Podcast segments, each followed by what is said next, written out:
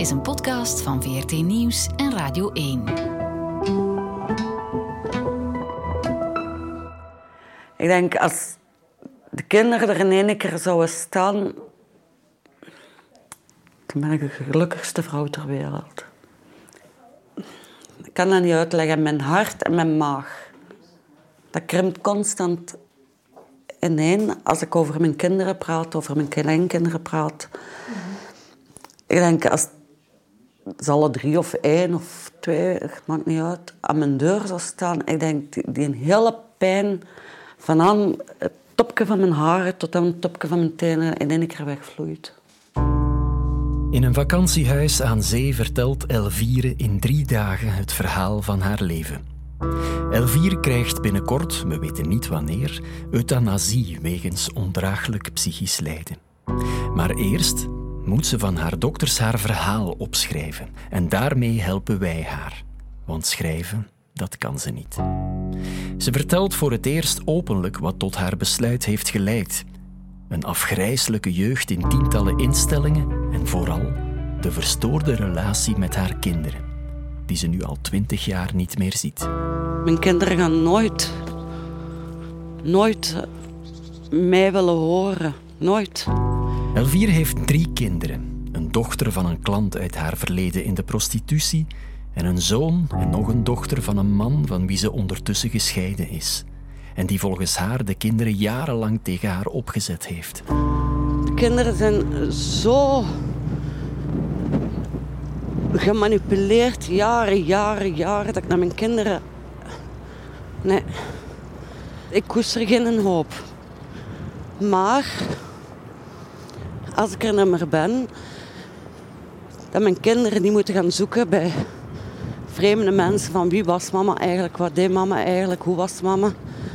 Dat ze eigenlijk de informatie dan uit mijn mond kunnen horen via een geschreven boek of gelijk wat.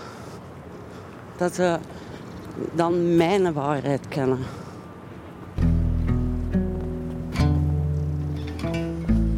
Dankzij Ine van Wijmeers, nu procureur van Halle-Vilvoorde, maar toen nog woordvoerder van het parket van Brussel, heeft Elvire haar jeugd in instellingen een plaats kunnen geven.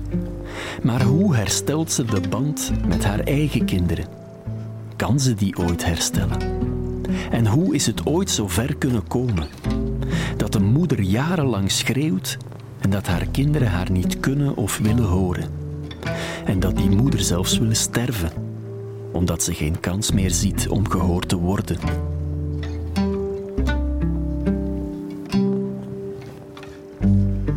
Drie dagen. Een podcast van Filip Heijmans en Wart Bogaert.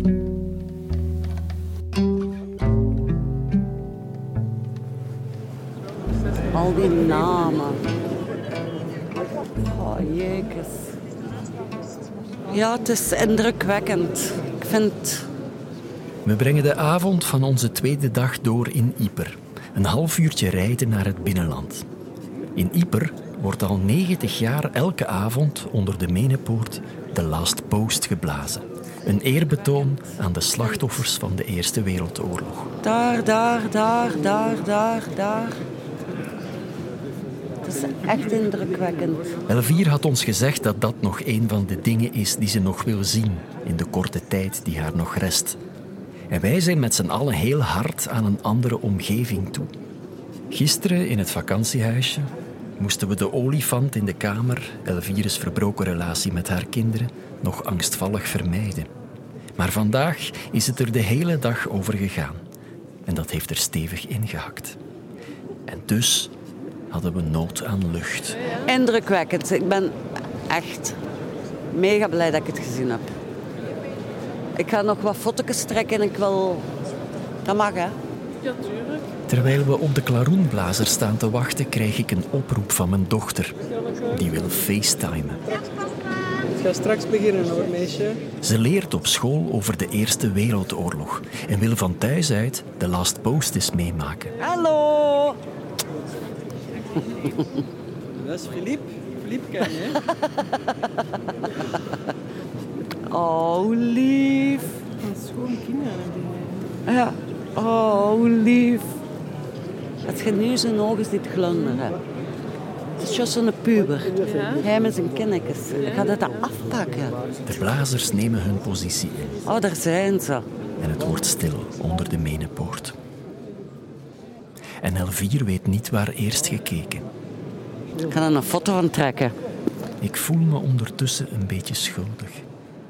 Na alles wat er verteld is, is het misschien ongepast om met Elvire over mijn eigen kinderen te beginnen. Het is zo'n typisch gevoel dat ik de volle drie dagen zal hebben. Alles heeft een lading. Er zijn geen veilige onderwerpen. Ziet, dat is toch prachtig wat dat hij voor zijn kinderen doet. Hè? En ook de omgeving, het moment voelt wrang. We staan met iemand die dood wil, onder een boog met namen van duizenden dode mensen.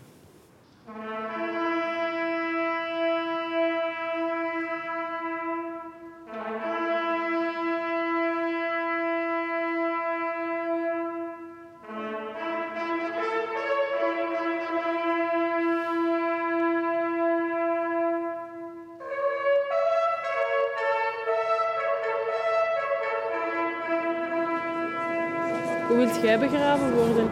Heel alleen. En er heel alleen uitstrooien. Liefst aan zee. Te zijn. En moet uw naam ergens staan? Nee.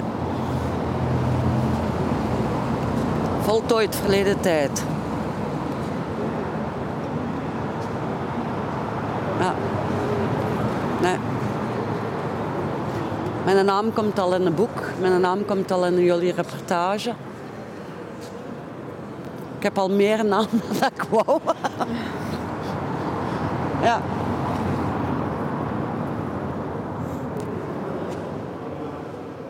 Dank u wel, alle vier, voor dit.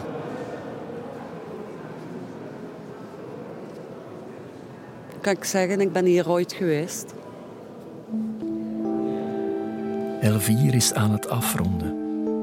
Haar einde is nu heel dichtbij, want het enige dat haar nog kan tegenhouden, een nieuw contact met haar kinderen, daarvoor heeft ze alle hoop opgegeven. En dat heeft alles te maken met haar ex-man, de vader van haar twee jongste kinderen. In het begin was hij ook heel hoffelijk als ik dan mijn dochter borstvoeding gaf. Hij bleef heel discreet achter me staan. Dat ik zoiets had van... Check, jong. Maar dan al snel komt de ware ik naar boven. En eigenlijk vrij snel begonnen de vernederingen al. En dan heb ik op een gegeven moment zijn verlies gepakt voor hem terug buiten te gooien. Maar hij ging veranderen en ging zijn best doen. En dan denk ik, een half jaar later was ik zwanger van hem. En dat wou ik niet. Omdat ik voelde en bang had dat die relatie niet kon blijven. Elvire kan haar man overtuigen een abortus te laten uitvoeren. Ze wonen ondertussen in een mooi huis met een tuin en een hond. En er komt opnieuw een zwangerschap. En opnieuw voelt het niet goed. Maar deze keer komt er geen abortus.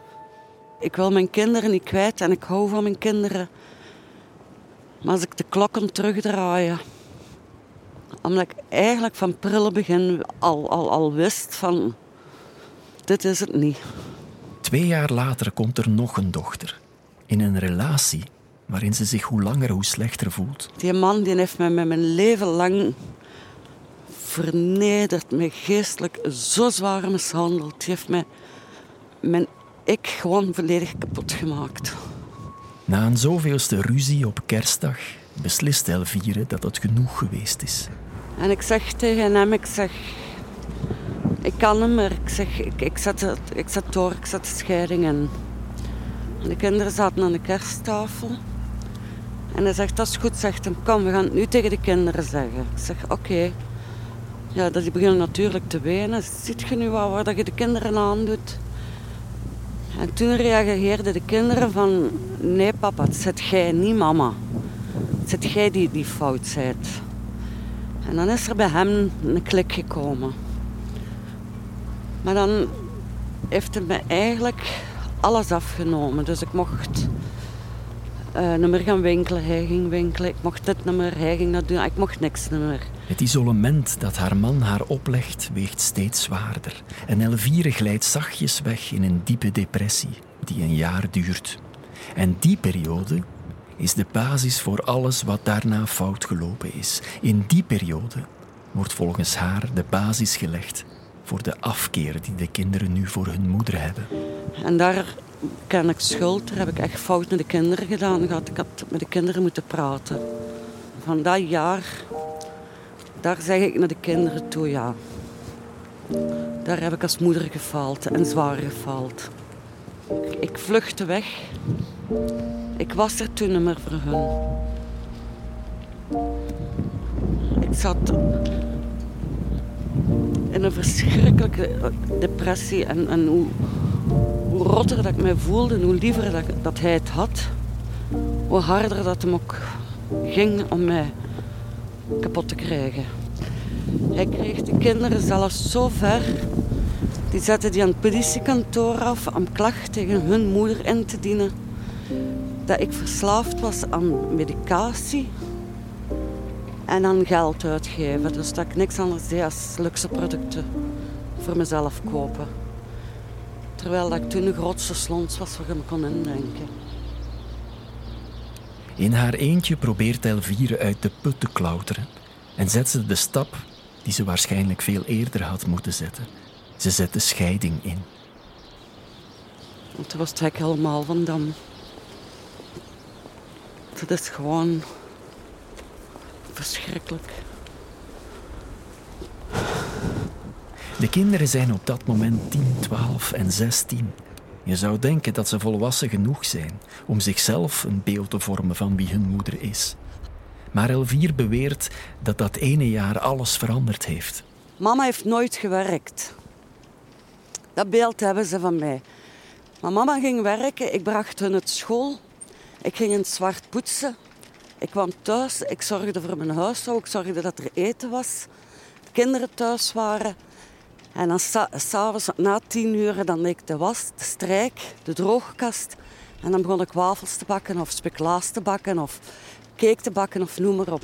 Dat was na tien uur en dan lagen de kinderen in bed. Dus die hebben mama nooit echt zien werken. Dus die kinderen die, die hebben zoiets van... Och, garm, papa, papa heeft altijd moeten gaan werken. En papa, oh, papa, papa. Maar wat ik gedaan heb... Ik was er voor hun. Door Elvires beperkte middelen en haar labiele psychische toestand beslist de rechter om de kinderen na de scheiding aan de vader toe te kennen. Ik had alles. Ik had verslagen van de politie. Ik had verslagen van een dokter. Ik had getuigen. Ik had bewijzen.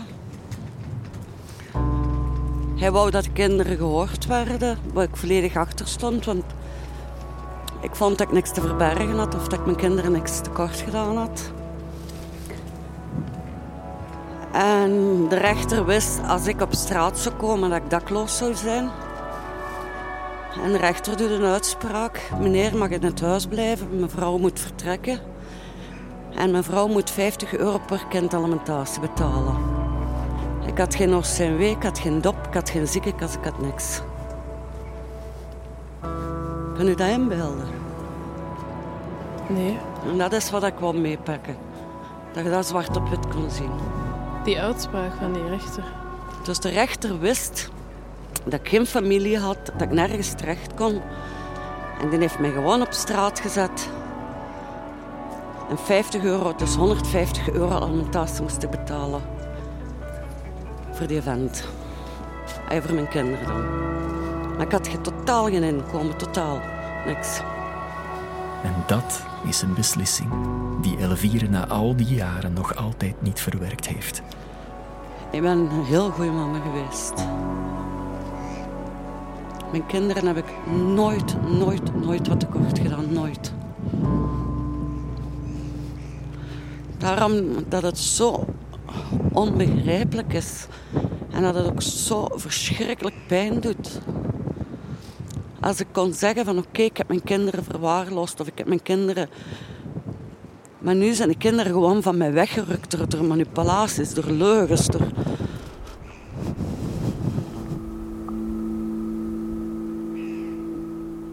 Die avond gaan we met z'n allen iets drinken op café. Er is veel volk en alleen plaats aan de toog. En er ontstaan klikjes. Philippe, Inne en Kobe verdiepen zich in de bierkaart terwijl ik met Elvire aan de praat geraak. We draaien onze stoelen naar elkaar. Als de barman met een nat doekje de toog afveegt, legt ze haar gsm tussen ons in. En ik zie een foto van een gelukkig gezinnetje in een tuin. Wie staat er op die foto op uw gsm? Mijn zoon, zijn vrouw en mijn kleindochter. Dat zijn foto's die ik van Facebook pik. Ze weten dat niet. Want ik denk van het moment dat ze dat weten dat ik dat doe, dan posten ze niks meer. Elvire heeft op Facebook een vals profiel aangemaakt om haar kinderen en kleinkinderen toch maar te kunnen zien. Dat doet verschrikkelijk pijn. En toch, iedere keer dat je je gsm open doet, Ja. ziet je die foto. Ja. Dat is heel raar, maar gelijk als mijn oudste, of het eerste kleinkind. Ik heb dat nog nooit gezien, maar dat zit, die zit zo diep in mijn hart. Ik hou van dat kind. Ik heb ook overal in mijn, in mijn appartement overal foto's van de kleinkinderen hangen.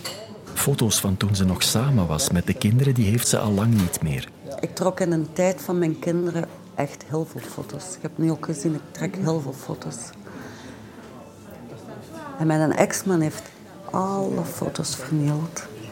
Dus die heeft niet alleen hun moeder afgepakt, maar die heeft ook hun verleden afgepakt. Foto's van toen ze baby waren, peuter waren, eerste schooldag, noem maar op, alles. Alles vernield, alles. Toen had ik dat horen en ik ben gewoon beginnen te braken. Het enige wat Elvire wil, is aan haar kinderen tonen dat ze het goed heeft gedaan als moeder. Maar zolang de ex-man er is, zal dat nooit lukken. Die hoop heeft ze al lang opgegeven. En daarom wil ze sterven. Dat is haar uitzichtloze psychische lijden. Maar is het wel zo uitzichtloos? Vragen we ons af. Als contact met de kinderen het enige is wat haar nog hier kan houden, moeten wij er dan niet alles aan doen om dat tot stand te brengen? Over mijn lijk, maar de kinderen worden niet ingelegd. Maar waarom wil jij dat echt niet? Ik versta het niet goed. Waarom wil je je kinderen daarvan niet inlichten? Omdat het dan een wanhoopstaat wordt. Dan gaat mijn ex-man weer zeggen van... Ah, Liz, ziet, ze heeft weer iets gevonden. Ah, dat het weer aandachtzoekerij Ja, wordt. dat wordt een wanhoopstaat. Omdat je niet wilt geconfronteerd worden met je kinderen die je niet geloven.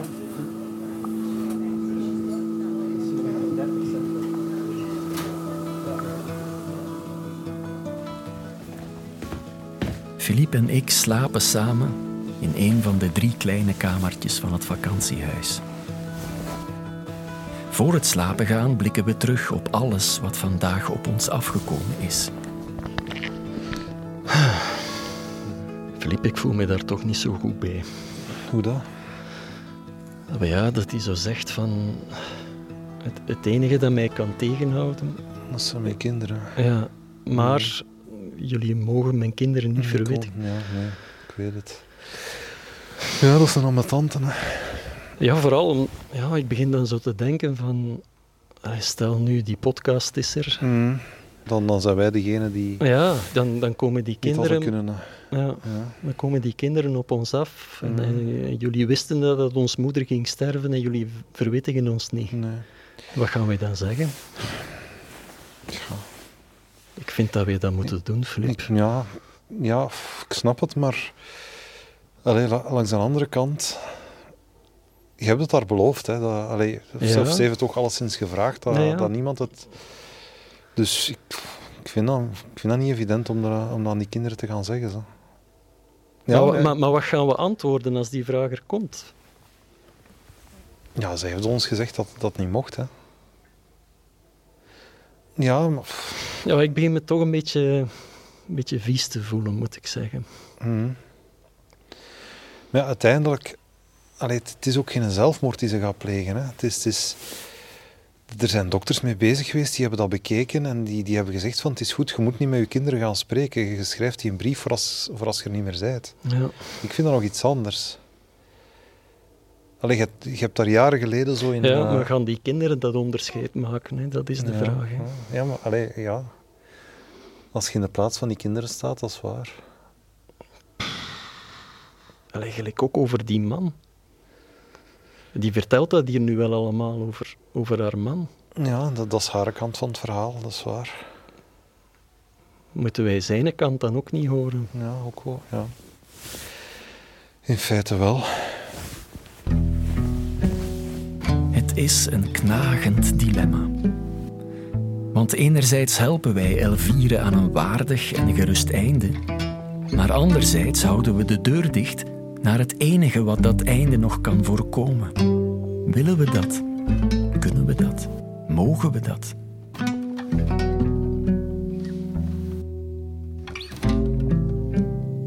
Dit zijn drie dagen vol intense gesprekken.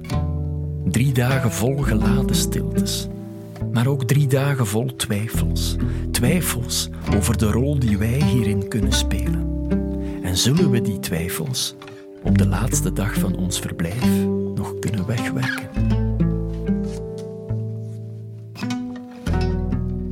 Dit was Drie Dagen, een podcast van Wart Bogaert en Filip Heijmans, gemaakt voor Radio 1 en VRT Nieuws.